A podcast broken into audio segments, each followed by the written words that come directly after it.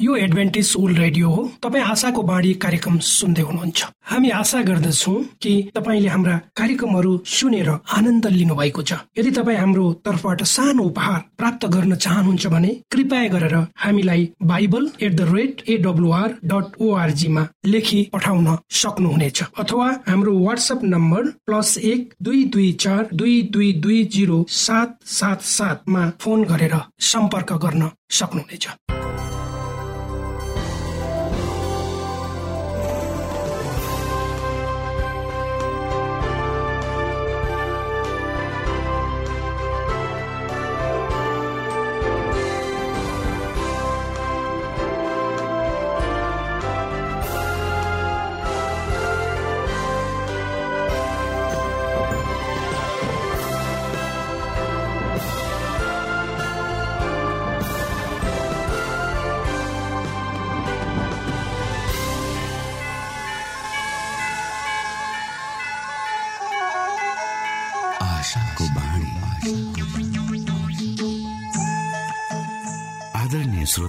नमस्कार। यो समय तपाईँ एडभेन्टिस्ट ओल्ड रेडियोको प्रस्तुति भोइस अफ होप आशाको बाणी कार्यक्रम सुन्दै हुनुहुन्छ। कार्यक्रम प्रस्तुता म रवि यो समय तपाईँको साथमा छु। आशाका सन्देश सहित प्रेम र विश्वासको सन्देश सहित आशाको बाणी कार्यक्रम रेडियोको तरङ्ग मार्फत तपाईँको सामु आइपुगेको छ। आजको कार्यक्रमले तपाईँको जीवनमा नयाँ सन्देश पुर्याउन सकेकै होस्। हाम्रो शुभेच्छा तपाईँको निम्ति यही रहनेछ। दैनिक यसलाई सुन्ने गर्नुहोस् र आफूलाई चाहिने प्रकारको आशिष र अगुवाई अवश्य यहाँले लिन सक्नुहुनेछ भनेर हामीले आशा लिएका छौँ। आउनुहोस् आजको कार्यक्रमलाई पनि हामी एउटा मधुर भजन सहित अगाडि बढाउँ।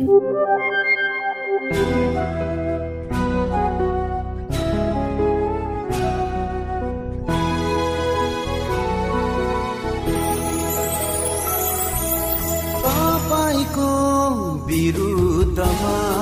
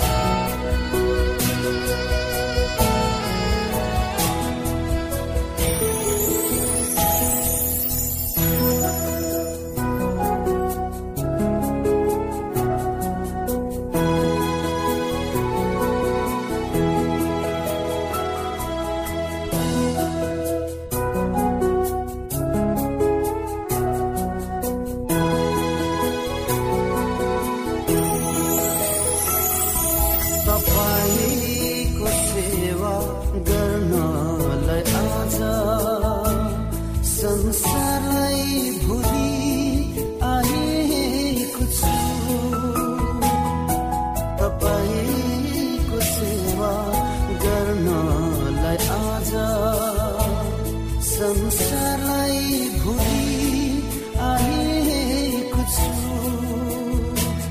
जीवनको वचन तपाईँसँग छ। म छोडी जाउँ कहाँ? हे स्वामी राजा।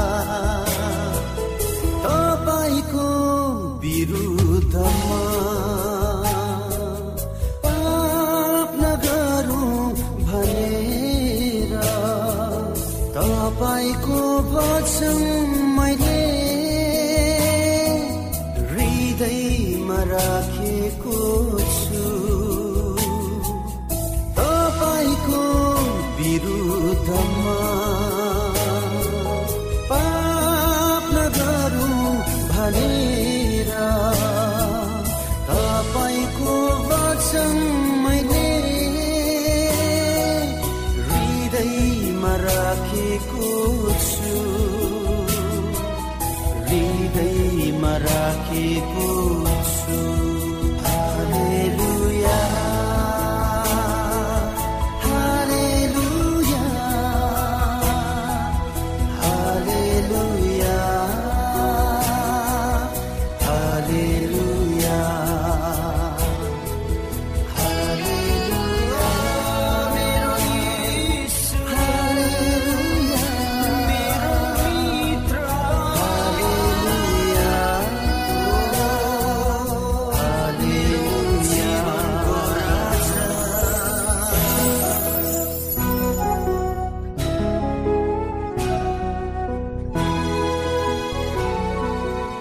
यो समय तपाईँ एडभेन्टिस्ट ओल्ड रेडियोको प्रस्तुति भोइस अफ होप आशाको बाणी कार्यक्रम सुन्दै हुनुहुन्छ।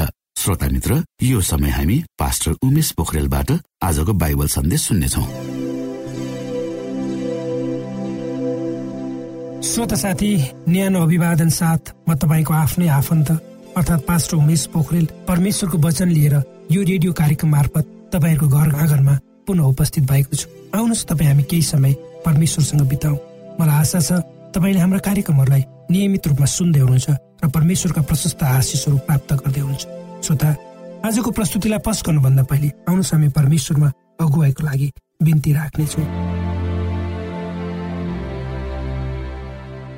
जीवी जिउँदो महान दयालु परमेश्वर प्रभु हामी धन्यवादी छौँ यो जीवन र जीवनमा दिनुभएका प्रशस्त आशिषहरूको लागि। प्रभु यो रेडियो कार्यक्रमलाई म तपाईँको हातमा राख्दछु। यसलाई तपाईँको राज्य महिमाको प्रचारको खातिर यो देश सारा संसारमा तपाईँले पुर्याउनुहोस्। ताकि धेरै मानिसहरूले तपाईँलाई चिन्न सकुन्। सबै बिन्ती प्रभु यीशुको नाम। आमेन।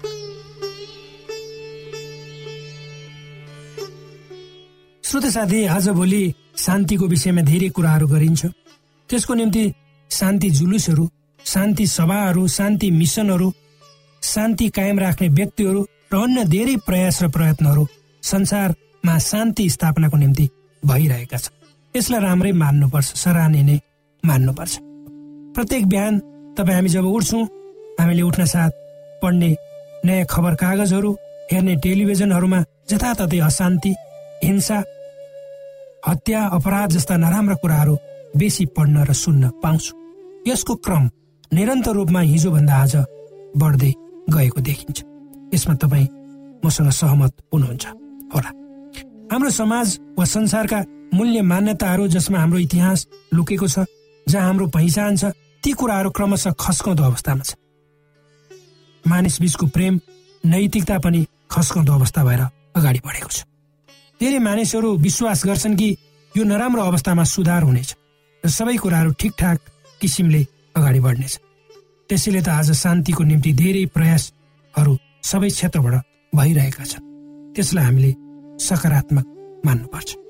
पवित्र धर्मशास्त्र बाइबलका अनुसार हाम्रा अगाडि उर्लदा भेल र तुफानहरू छन् जसले हामीलाई ढाक्ने र नष्ट बनाउने शक्तिका साथ हाम्रो बाटोमा खडा भएका छन्। यो सबै हुनुको पछाडि हामी बाँचेको समय र संसारलाई पापले आफ्नो गिद्धे पन्जामा जक्रिनु हो भने भन्दा अन्य अर्थ नलाग्ला। अर्थात् पापले आजको संसारलाई घाँसेको छ। पापको कारण मानिसको स्वभावमा ठूलो परिवर्तन आएको छ। त्यसैले यो संसार आज यो गतिमा छ वा वेदना र कष्टद्वारा गुज्रिरहेको छ। त्यसैले पावल प्रेरित आखिरी दिनहरूमा मानिसहरूको अवस्था कस्तो हुन्छ भन्ने कुरालाई दोस्रो तिमोती तीन अध्यायको एकदेखि चार पदमा यसरी लेख्दछ। तर यो बुझिराख कि आखिरी दिनहरूमा अहिलेको दिनहरूमा डरलाग्दा समयहरू आउने छन् किनभने मानिसहरू आफैलाई मात्र माया गर्ने रुपियाँ पैसाको मोह गर्ने घमण्डी हठी अरूको बदनाम गर्ने आमा बाबुको आज्ञा पालन नगर्ने वैगुणी अपवित्र स्वाभाविक प्रेम रहितका खुसी पार नसकिने अरूको बदखुवाई गर्ने दुराचारी क्रूर असल कुरालाई घृणा गर्ने विश्वासघाती उत्ताउला अहङ्कारले फुलेका परमेश्वरलाई भन्दा सुख विलासलाई प्रेम गर्ने हुनेछन्। यी चरित्रहरू बोकेको अहिलेको सन्ततिको बीचमा हामीमा संसारको शान्तिको निम्ति सानो आशा मात्र हुन सक्छ। तर यस्तो निराशामय परिस्थिति वा अवस्थाको बीचमा हामीलाई भरोसा निश्चयता गरिएको छ र भनिएको छ। कुनै कुरामा चिन्तित नहो तर हरेक कुरामा प्रार्थना र निवेदनद्वारा धन्यवाद सहित तिमीहरूका बिन्ती परमेश्वरमा जाहेर हुन् र समझले नै भ्याउन नसकिने परमेश्वरको शान्तिले तिमीहरूका हृदय तिमीहरूका मनलाई यसुमा रक्षा गर्नेछ। एक समय एकजना एक परिवार आफ्नो आफन्तको अन्तिम संस्कारमा सहभागी हुन भारतबाट अमेरिका प्लेनमा यात्रा गर्दै थिए। अचानक क्याप्टेनको आवाज आउँछ यात्री महानुभावहरू कृपया गरी आफ्नो सिटको पेटी कसेर बाँध्नुहोला। हामी आकस्मिक अवतरणको तयारीमा छौँ। कृपया कृपया गरी धैर्य र शान्तपूर्वक आफ्नो सिटमा बसिदिनु होला उनीहरूले एकअर्कालाई हेर्छन्। सबैको अनुहारमा एक किसिमको अव्यक्त डर देखिन्छ।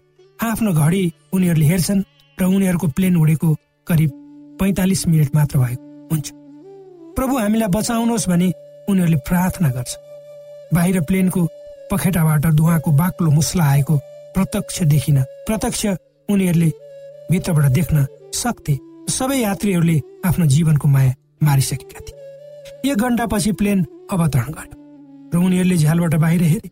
फ्ल्यास लाइट चम्काउँदै रोकिएका पुलिसका वाहनहरू बारुद यन्त्रहरू प्लेनको धावन मार्ग अगाडि पछाडि लाम लागेर बसेको थिए जब प्लेन रोकियो सबै सुरक्षा सम्बन्धी व्यक्तिहरूले दौडेर आएर त्यस प्लेनलाई घेरे र हतार हतार। यात्रीहरूलाई उक्त जल्दै गरेको प्लेनबाट सुरक्षित बाहिर निकाले र उनीहरूलाई भनियो प्लेनको एउटा इन्जिन पूर्ण रूपमा क्षति भएर एउटै मात्र इन्जिनले उक्त प्लेन उडेको थियो। र उक्त परिवारले आफ्नो हातमा पवित्र बाइबल लिएको थियो र तिनीहरूले परमेश्वरलाई उनीहरूलाई बचाउनु भनेर बिन्ती गरेका थिए र परमेश्वरले उनीहरूलाई बचाउनु भयो। र उक्त घटना उनीहरूले आफ्नो जीवनमा कहिले पनि बोल्ने छैनन् भनेर भनेको छ। त्यसैले पवित्र धर्मशास्त्र बाइबलको भजन सङ्ग्रह छयालिस अध्यायमा परमेश्वरको प्रशंसा यसरी लेखिएको छ। परमेश्वर हाम्रा संस्थान र शक्ति हुनुहुन्छ। सङ्कटमा सधैँ हाजिर रहने सहायता यस कारण हामी डराउने छैनौँ। चाहे पृथ्वी उथुल पुथल होस् वा पर्वतहरू समुद्रको गर्भमा खसुन् चाहे समुद्र गर्जोस् र फिस काडो चाहे त्यो उर्लिएर आउँदा पर्वतहरू थर्को हो श्रोत साथी परमेश्वर हाम्रो चट्टान र किल्ला हुनुहुन्छ। चाहे जस्तो सुकै प्रतिकूल अवस्था हामीले हाम्रो जीवनमा सामना गर्नु किन नपरोस् उहाँ त तपाईँ र मेरो साथमा सदैव रहनुहुन्छ।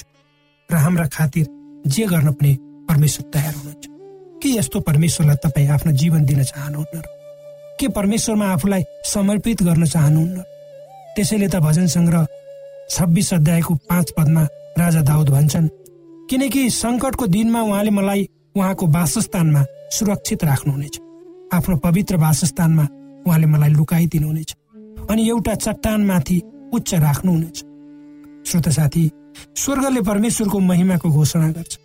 यद्यपि यो संसारमा भएका कुराहरू परिवर्तित हुन्छन्। दैनिक रूपमा तर स्वर्गका कुराहरू कहिले पनि परिवर्तित हुँदैन। उहाँका वचनहरू सही र निश्चित हुन्छन्। उहाँ कहिले पनि परिवर्तित हुनुहुन्न। जब तपाईँ हामी कुनै पनि स्थायी एउटा अडिगमा अडिएको कुरामा आफूलाई जोड्छौँ तब हामी आफूलाई सुरक्षित भएको महसुस गर्छौँ। यो हाम्रो जीवनको सबै पक्षहरूमा लागु हुन्छ। हामी त्यस्तो बाटोमा विश्वास राख्दछौँ। निश्चयता पूर्वक अगाडि बढ्छौँ किनकि हामीले रोजेको बाटो सही छ जसले निश्चित दिशामा हामीलाई लान्छ यो विशेषता हाम्रो आस्थामा लागु हुन्छ। जब हामी आफ्नो आस्थामा अगाडि बढ्छौँ तब सबै किसिमको परीक्षाहरूबाट हामी सुरक्षित गराइन्छौँ र यसले हामीलाई हाम्रो अन्तिम गन्तव्यसम्म पुर्याउँछ। परमेश्वरमा पनि त्यही कुरा लागु हुन्छ। धेरै वर्ष र मौसमहरू जब हामी बिताउँछौँ तब पनि उहाँको प्रेममा कुनै परिवर्तन पाइन्न। उहाँ प्रेमिलो दयालु र कृपालु सदैव हुनुहुन्छ। जसरी हिजो हुनुहुन्थ्यो आज पनि हुनुहुन्छ र भोलि पनि हुनुहुन्छ। किनकि परमेश्वरको स्वभाव अपरिवर्तनीय छ। हामीहरू छौँ किनकि परमेश्वर हामीसँग हुनुहुन्छ। हामीहरू जीवित छौँ किनभने परमेश्वर हामीसँग हुनुहुन्छ। त्यसैले उहाँ बिना कुनै कुरा पनि छैन वा हुँदै किनकि उहाँ हाम्रो सृष्टिकर्ता जीवनदाता बचाउनेवाला मुक्तिदाता न्यायाधीश र स्वर्गीय पिता हुनुहुन्छ। र उहाँ हाम्रो मात्र आशाको केन्द्रबिन्दु हुनुहुन्छ हामीले जान्नुपर्छ कि हाम्रा आशाहरू उहाँको प्रतिज्ञाको आधारमा साकार हुन्छन्। किनकि उहाँले भन्नुभएको छ म फेरि आउनेछु। हो उहाँ आउँदै हुनुहुन्छ। त्यही नै हाम्रो लागि सबभन्दा ठुलो आशा छ र भरोसा छ। त्यहीको निम्ति हामीभन्दा पहिला कयौँ पुस्ताहरू आफ्नो विश्वासमा दृढ भएर बस्नुभयो किनकि उहाँ आउँदै हुनुहुन्छ। आफ्ना जनहरूलाई लिन जो जो तयार छन्। यी वचनहरूद्वारा परमेश्वरले तपाईँलाई सही बाटोमा हिँड्न अगुवाई गर्नुहोस्।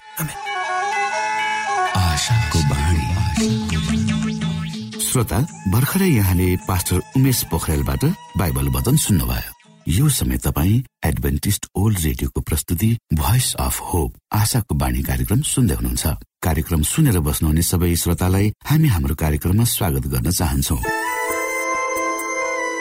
श्रोता मित्र यदि तपाईँ जीवनदेखि हरेस खानु भएको छ तपाईँका जीवनमा धेरै अनुत्तरित प्रश्नहरू छन् भने आउनुहोस् हामी तपाईँलाई परमेश्वरको ज्योतिमा डोहोर्याउन चाहन्छौँ तपाईँ आफ्नो जीवनका चिन्ता फिक्रीबाट निश्चिन्त हुनुहोस् र बाँच्नुको आनन्द परमेश्वरको सामिप्यमा कति मिठो हुन्छ त्यो चाख्नुहोस् भनी हामी चाहन्छौँ। श्रोता यदि तपाईँ आशाको बाणी कार्यक्रमलाई अनलाइन सुन्न चाहनुहुन्छ वा डाउनलोड गर्न चाहनुहुन्छ भने www.awr.org डट ओआरजीमा जानुहोस्। त्यहाँ तपाईँले प्रत्येक दिनको कार्यक्रम सुन्न र डाउनलोड गर्न सक्नुहुनेछ। हाम्रो वेब पेज यस प्रकार छ www.awr.org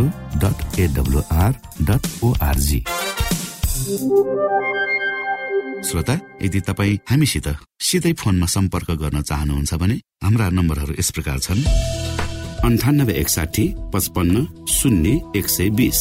अन्ठानब्बे एकसाठी पचपन्न शून्य एक सय बिस। र अर्को अन्ठानब्बे अठार त्रिपन्न पन्चानब्बे पचपन्न। अन्ठानब्बे अठार त्रिपन्न पन्चानब्बे पचपन्न।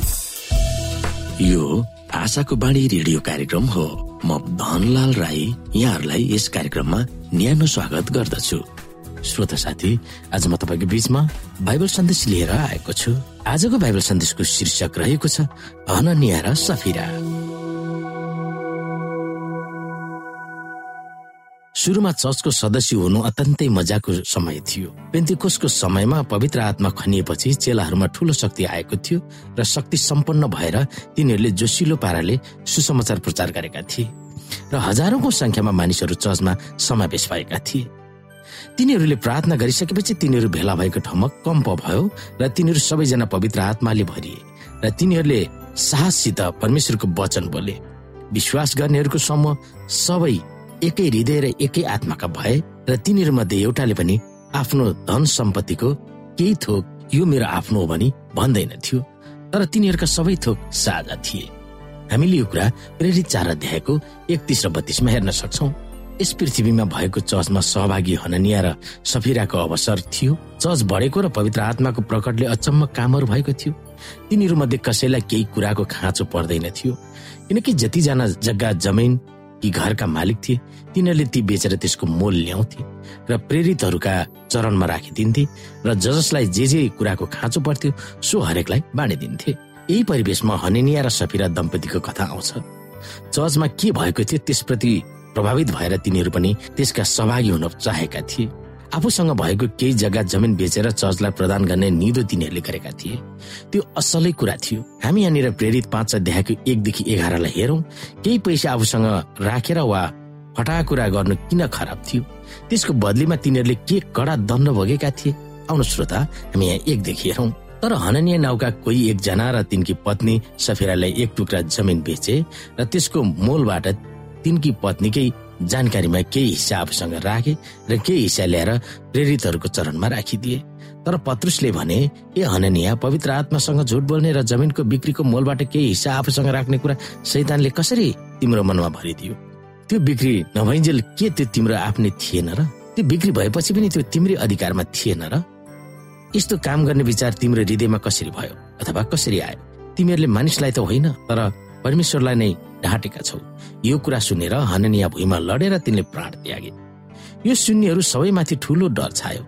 तब जवानहरूले उठेर तिनलाई लुगाले बेरेर बाहिर बोके लगेर गाडी दिए। जे भइसकेको थियो सो थाहा नपाई प्राय तीन घण्टापछि तिनकी पत्नी पनि भित्र आई। पत्रुसले तिनलाई सोधे मलाई भन तिमीहरूले जमिन त्यतिमै बेचेका हौ? अनि त्यसले भने जिउ त्यतिमै। तर पत्रुसले त्यसलाई भने तिमीहरूले प्रभुका आत्माको परीक्षा गर्न कसरी मिलेर मत्तो गर्यो? हेर तिम्रा पतिलाई गाड्नेहरू ढोकामै छन् र तिनीहरूले तिमीलाई बोकेर बाहिर लैजानेछन् अनि तुरुन्तै त्यो उनका पाउने र लडेर प्राण त्यागे। जब जवानहरू भित्र आए त्यसलाई मरिसकेकी देखेर बाहिर बोकेर लगेर त्यसको पतिको नजिकमा गाडी दिए। सारा मण्डलीमाथि र यो कुरा सुन्ने सबैमाथि ठूलो डर छायो। परमेश्वरको काममा चन्दा दिने तिनीहरूको सुरुको चाहना असली थियो तर पछि लोभमा परेर तिनीहरूले पवित्र आत्माको चित्त दुखाएका थिए। जग्गा बेचेको पैसा धेरै देखेपछि तिनीहरूले आफ्नो प्रतिज्ञाको पछुतो गर्न थाल्यो यसको फलस्वरूप तिनीहरूमा भएको ख्रिसको काममा सघाउन ठूलो काम गर्ने प्रतिबद्धताले गर्दा हृदयहरूलाई न्यानो पारेको मिठो आशिषको प्रभाव गुमाएको थियो। अर्को शब्दमा भन्यो भने सुरुमा तिनीहरू असली नियतले काम गर्न चाहेका थिए तर लोभले गर्दा तिनीहरू ढोगी हुन पुगे। अरूहरूको अगाडि तिनीहरू धर्मात्मा र त्यागी देखिए तापनि भित्री हृदयमा तिनीहरू त्यो थिएन। त्यसको फलस्वरूप जब तिनीहरूको नियतको पर्दाभास भयो तब तिनीहरू हृदयघातले मृत्यु भए। त्यसले गर्दा चर्चका सबै सदस्यहरूमा त्यो शून्यहरूमा ठूलो डर भयो। त्यस घटनापछि मानिसहरूले आफ्ना दशांश होसियारी साथ फिर्ता गरेको हुन्थ्यो होला। तर याद गर्नुहोस् यो दुःखदायी विवरण बाइबलमा दशांश प्रति विश्वासिलो हुन चेतावनीको निम्ति लेखिएको होइन। बरु लोभले गर्दा हाम्रो गति के हुन सक्ने रहेछ भनेर सिकाउन यो कथा बाइबलमा समावेश भएको हामी मान्दछौँ।